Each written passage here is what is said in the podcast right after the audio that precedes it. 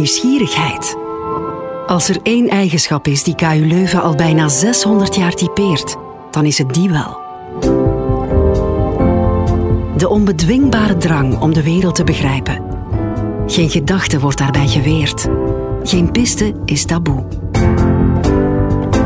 Soms vinden onze onderzoekers antwoorden op vragen die ze zich niet eens stelden. Soms oplossingen voor onbekende problemen. Zo blijven ze zichzelf en de wereld verbazen. KU Leuven zet in op grensverleggend onderzoek. Dat leidt tot innovaties, tot ontdekkingen waar de maatschappij beter van wordt, tot inzichten en tot verhalen. Die vertellen onze wetenschappers zelf in deze podcast. KU Leuven Sonor.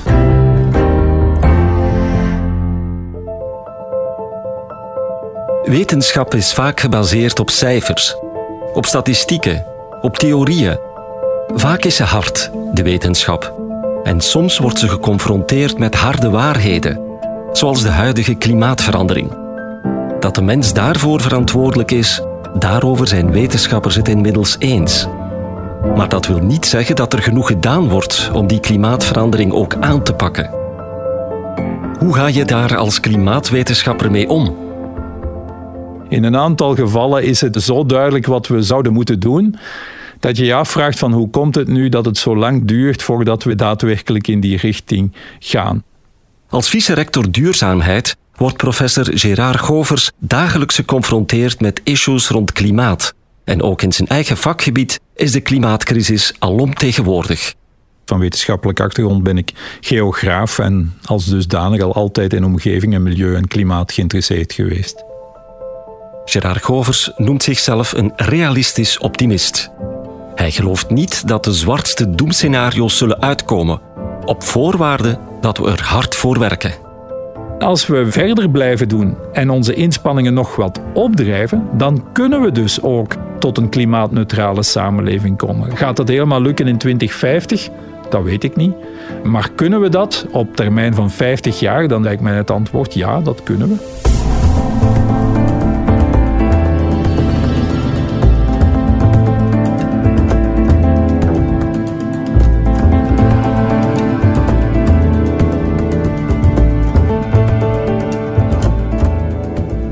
Ga even heel duidelijk zijn. We kunnen met 100% zekerheid zeggen dat alles wat we zien aan opwarming van de planeet Aarde op dit ogenblik te wijten is aan de uitstoot van CO2 en broeikasgassen.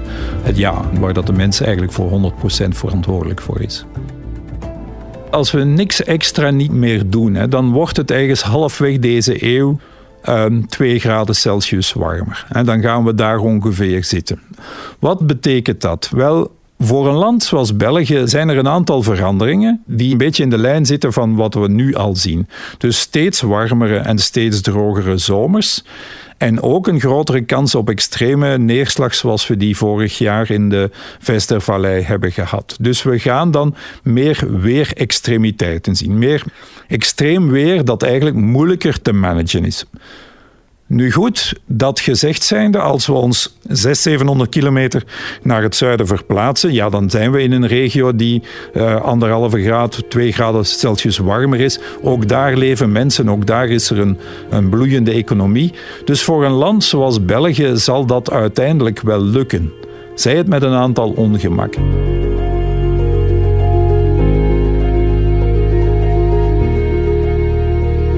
Maar er is iets wat dat ook wel heel belangrijk is in het debat, wat dat we toch ook niet mogen vergeten.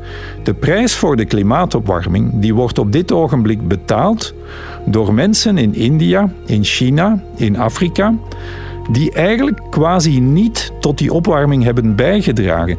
En zij zijn niet degene die verantwoordelijk zijn voor het feit dat de planeet nu zo snel aan het opwarmen is. Maar zij betalen wel een gigantische prijs. En ik vind het eigenlijk toch wel een essentiële vorm van menselijke solidariteit om dat ook in onze redeneringen en gedachtegang mee te nemen. Wij leven nu eenmaal in een gemondialiseerde wereld en dat gaat in tegenstelling tot wat sommigen denken niet meer veranderen. Dat kan namelijk gewoonweg niet meer. Sommigen zeggen als er een boom omvalt in het tropisch regenwoud in de Amazone, dan kan je hem eigenlijk in België horen kraken en dat is eigenlijk wel waar. En dus hebben wij ook een verantwoordelijkheid voor hen die het wat minder goed hebben en die hier meer dan uh, wij buitenproportioneel door getroffen worden. Als, als ik naar het klimaatdebat kijk op dit ogenblik, ja, dan ondervind je een combinatie van gevoelens van optimisme en wanhoop. In een aantal gevallen is het namelijk zo duidelijk wat we zouden moeten doen dat je je afvraagt van hoe komt het nu dat het zo lang duurt voordat we die initiatieven ook daadwerkelijk nemen en we daadwerkelijk in die richting gaan. Anderzijds moet je ook durven vaststellen dat als je kijkt naar klimaatopwarming, dat dat nu wel een globaal probleem is, waar dat ook een globaal debat tussen staten over gevoerd wordt, waar dat er ook wel maatregelen worden afgesproken.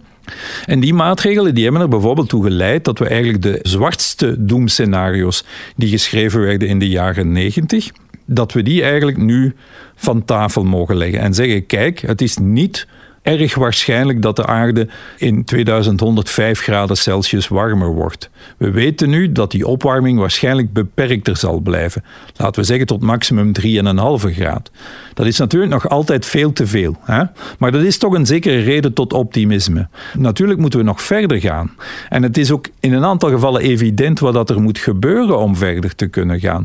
We moeten elektrisch gaan verwarmen. We moeten elektrisch gaan rijden. Daar is geen ontkomen aan.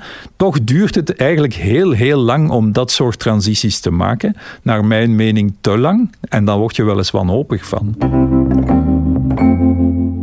Sommigen zeggen, kijk, het is een typisch wicked problem. Het is zo complex dat we eigenlijk niet weten waaraan we aan moeten beginnen. En dus uh, moeten we een lang debat voeren en pas dan gaan we er geraken. En volgens mij is dat compleet naast de kwestie. Het is niet zo ingewikkeld. Als wij willen dat de klimaatopwarming stopt, moeten we stoppen met CO2 uit te stoten en andere broeikassen. Dat is niet ingewikkeld, dat is relatief eenvoudig hè, als premisse. Waarom is het dan zo ingewikkeld? Wel, allerhande belangen spelen mee en de menselijke aard speelt ook mee. Een van de belangrijke vragen is natuurlijk: als we met velen zijn, ja, wie moet dan wat doen? Hoe verdelen we die lasten? Hoe maken we dat bepaalde mensen in actie schieten? Wat mag verplicht worden en wat niet? En ja, daar discussiëren we lang over. Ook al omdat we altijd opnieuw vinden dat we zelf wel een bijdrage moeten doen, maar we houden ook, omdat we mensen zijn, de anderen nauwlettend in het oog. En we willen allemaal dat onze bijdrage in proportie staat met wat dat anderen doen. Die anderen vinden dat ook, maar die hebben natuurlijk een net ander perspectief dan wij zelf. En bij gevolg gaan daar lange en moeilijke debatten aan vooraf. Dus menselijke aard en de wijze waarop mensen functioneren is zeker een van de grote redenen waarom dat, dat debat zo moeilijk verloopt.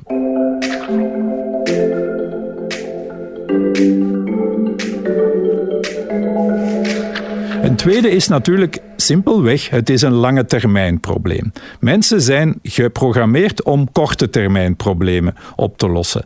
Um, dat heeft ook weer met onze menselijke aard te maken. We vergeten dat wel eens, maar we zijn allemaal ja, primaten, zoogdieren, die hebben moeten overleven gedurende honderdduizenden jaren in bijzonder moeilijke omstandigheden, waarbij dat vooral belangrijk was om de volgende dag te halen. Niet het volgende jaar of het volgende decennium, de volgende dag. Hè. Je moest overleven en je moest onmiddellijk actie ondernemen om te kunnen overleven.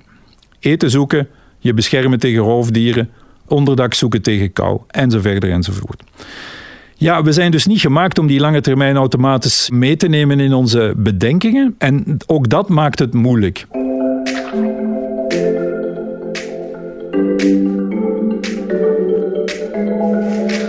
Een derde reden is, en daar wordt het wel ingewikkeld, eigenlijk gaat het over essentieel over ons energieverbruik. En wat we in de westerse samenlevingen wel een beetje vergeten waren, is hoe essentieel energie wel is voor onze samenleving.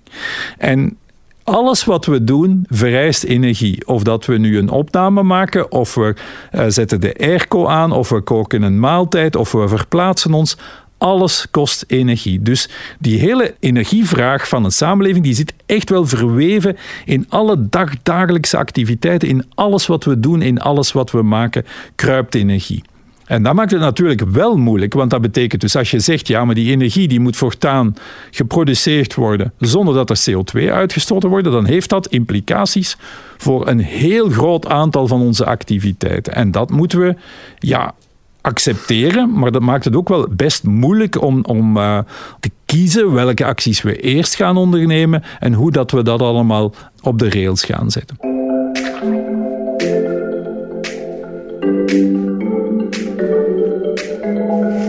Een vierde punt, wat dat ook wel belangrijk is, is dat als je kijkt naar het hele duurzaamheidsdebat, waar dat, dat energiedebat natuurlijk deel van uitmaakt, dat dat nog veel breder gaat. Dat mensen zeggen, ja maar een duurzame samenleving, dat is ook een sociaal rechtvaardige samenleving. Dat is een samenleving waar dat iedereen tot bloei kan komen. En ze hebben gelijk. Alleen moeten we ervoor zorgen dat we daardoor het debat niet blokkeren. En dat we niet gaan zeggen, we beginnen niet aan die klimaatopwarming voordat we alle problemen van sociale rechtvaardigheid hebben opgelost. Dat zijn allemaal dingen die het niet makkelijk maken om, ja, laten we maar zeggen, een duurzame, klimaatbestendige samenleving te creëren. Daar gaat nog wel wat werk aan zijn.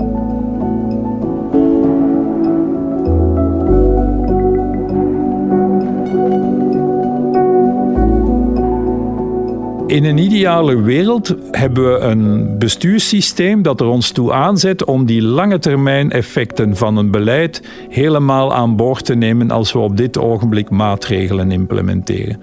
Dat is iets waar dat vele uh, mensen die met wetenschappen van de aarde bezig zijn graag zouden zien. Onze sector houdt zich eigenlijk bezig met de evolutie van de planeet over langere termijn. En dat gaat dan over van decennia tot eeuwen. En je ziet een aantal dingen komen waarvan dat je zegt, kijk, daar zouden we eigenlijk in ons huidige politieke beleid rekening mee moeten houden. Maar daartegenover staat een democratisch proces, waarbij politici om de vier jaar of om de vijf jaar worden afgerekend op wat zij gerealiseerd hebben. En dat drijft hen ertoe om ja, in te zetten op dingen die onmiddellijk zichtbaar zijn en die onmiddellijk resultaten hebben. Wat dat ik ook wel weer begrijp, hè, van hun kant eigenlijk uh, bekeken, is dat logisch. Het is ook zo dat de samenleving op die politici inspeelt en ja, zegt van jullie moeten wel zorgen dat dit en dit en dit ja, niet binnen 30 jaar, maar morgen in orde is. En dus krijg je een samenspel dat eigenlijk maakt dat, laten we maar zeggen, korte termijn problemen dikwijls relatief meer aandacht krijgen dan lange termijn problemen. In een ideale wereld zou je willen dat dat evenwicht wat anders ligt en wat verschuift, maar je moet ook rekening houden met hoe een democratisch bestel werkt en hoe dat mensen in elkaar zitten.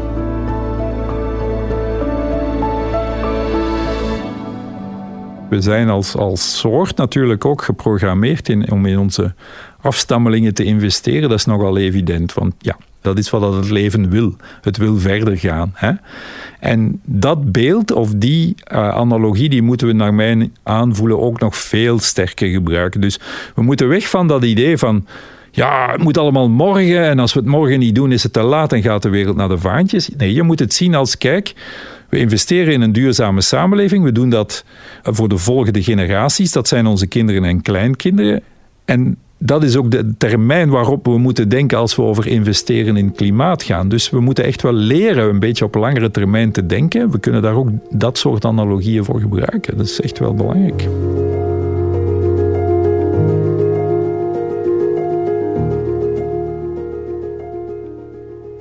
Wat moeten we nu zelf doen? Wat kunnen we nu zelf doen?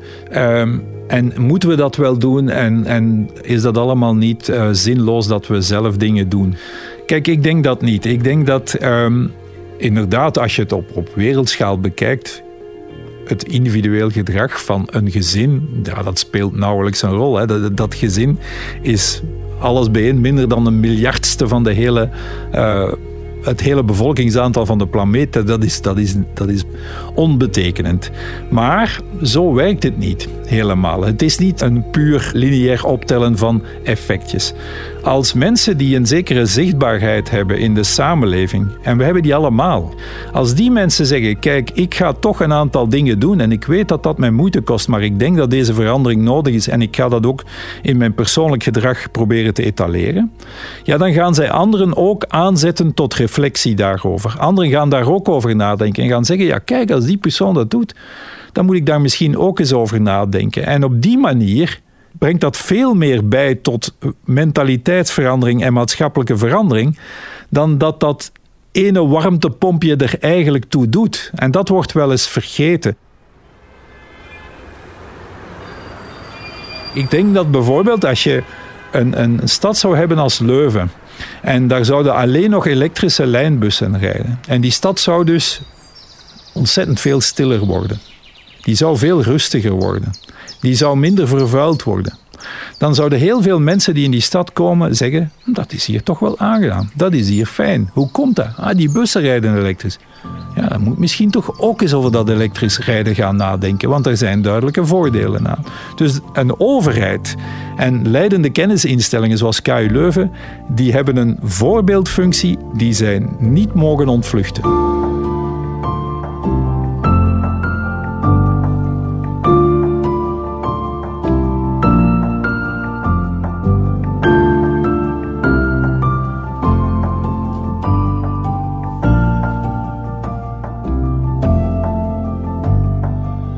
Duurzaamheid kost inderdaad geld. Hè. Dat moeten we niet ontkennen. Er zal uh, geïnvesteerd moeten worden. Er zal geïnvesteerd moeten worden op individueel niveau door huishoudens, door gezinnen. Er zal ook op maatschappelijk niveau moeten geïnvesteerd worden. Denk maar aan openbaar vervoer en transport. En er zal door grote bedrijven uh, serieus moeten geïnvesteerd worden om industriële processen te vergroenen. Dat kost allemaal veel geld. Op wereldschaal gaat dat over triljoenen. Dus dat gaat echt over gigantische bedragen. Het geluk dat we hebben is dat een groot gedeelte van dat geld zich op individuele basis terugverdient. En iets wat te weinig onder de aandacht wordt gebracht is wat het alternatief is. Het alternatief is dat we niks doen. Maar dan gaat de schade, de maatschappelijke schade die we gaan ondervinden nog veel groter zijn dan de investeringen die we nu nodig hebben. Dus dat we ons eens achter de oren krabben bij die bedragen en zeggen van ja, die, die 10.000 euro voor die warmtepomp, is dat wel nodig? Dat begrijp ik. Maar we moeten ook denken aan ja, wat gebeurt er als we dat met z'n allen niet doen? En wat dat ook belangrijk is in het hele verhaal, is dat we ons goed moeten realiseren dat we die investeringen wel moeten doen, maar dat we eigenlijk ook die middelen hebben. De Nationale Bank brengt elk jaar een rapport uit over de middelen die Belgen op hun spaarboekjes hebben staan. Dat loopt in de honderden miljarden. We moeten ons goed realiseren dat de inflatie daar het afgelopen jaar 10% van afgeknabbeld heeft. Al die mensen die middelen op de spaarboekjes hebben, die zijn 10% van hun vermogen kwijt over het afgelopen jaar. Dus als we die mensen een attractief programma kunnen aanbieden om te investeren in de klimaatproblematiek, dan denk ik toch dat we wel gegadigden gaan kunnen vinden om die, mensen die zeggen: oké, als er een gegarandeerd rendement is en de overheid staat daarachter, dan willen wij wel co-investeren in zonnepanelen, in warmtepompen, in het verduurzamen van industriële processen. Dus ik denk dat dat echt wel mogelijk is om ja, onze, onze, daar de nodige financiële instrumenten voor te ontwikkelen. En de middelen die we daarvoor nodig hebben, die zijn er eigenlijk wel.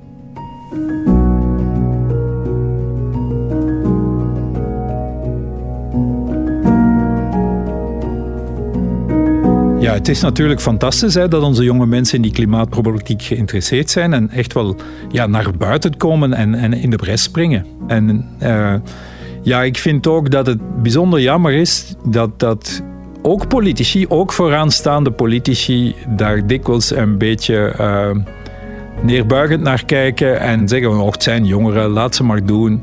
Uh, dat stoort mij.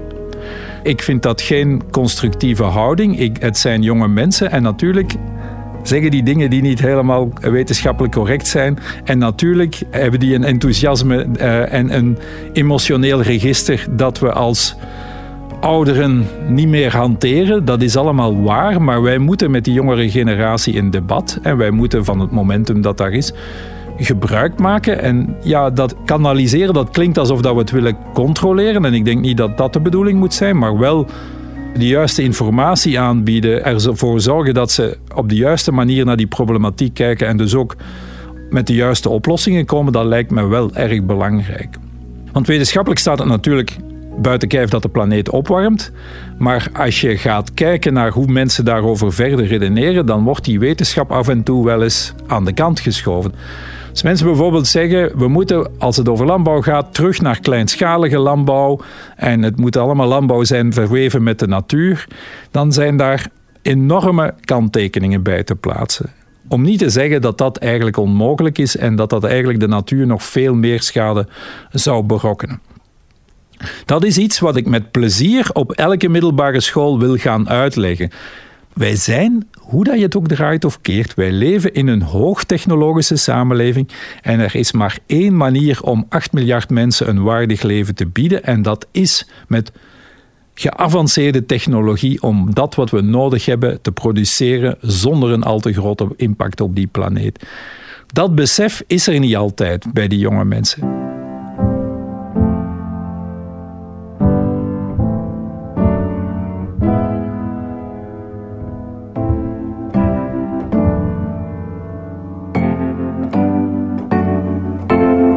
Het hele duurzaamheids- en klimaatdebat hè, gaan wetenschappers een enorm belangrijke rol moeten blijven spelen. Hè. Het is niet zo dat we nu kunnen zeggen: oké, en nu is het aan het politieke debat om het op te lossen. Dat vind ik een, ja, een, een, een naïeve en, en ook uh, gevaarlijke positie. Uh, ik denk ten eerste dat je zal moeten blijven duiden hoe dat die klimaatopwarming precies werkt, wat er gebeurt en waarom het gebeurt. Maar ten tweede, ja, wat we ook moeten doen, is ons natuurlijk aanpassen aan die opwarming. Want een deel van die opwarming gaan we niet kunnen tegenhouden. Ook daarvoor zijn wetenschappelijke inzichten essentieel.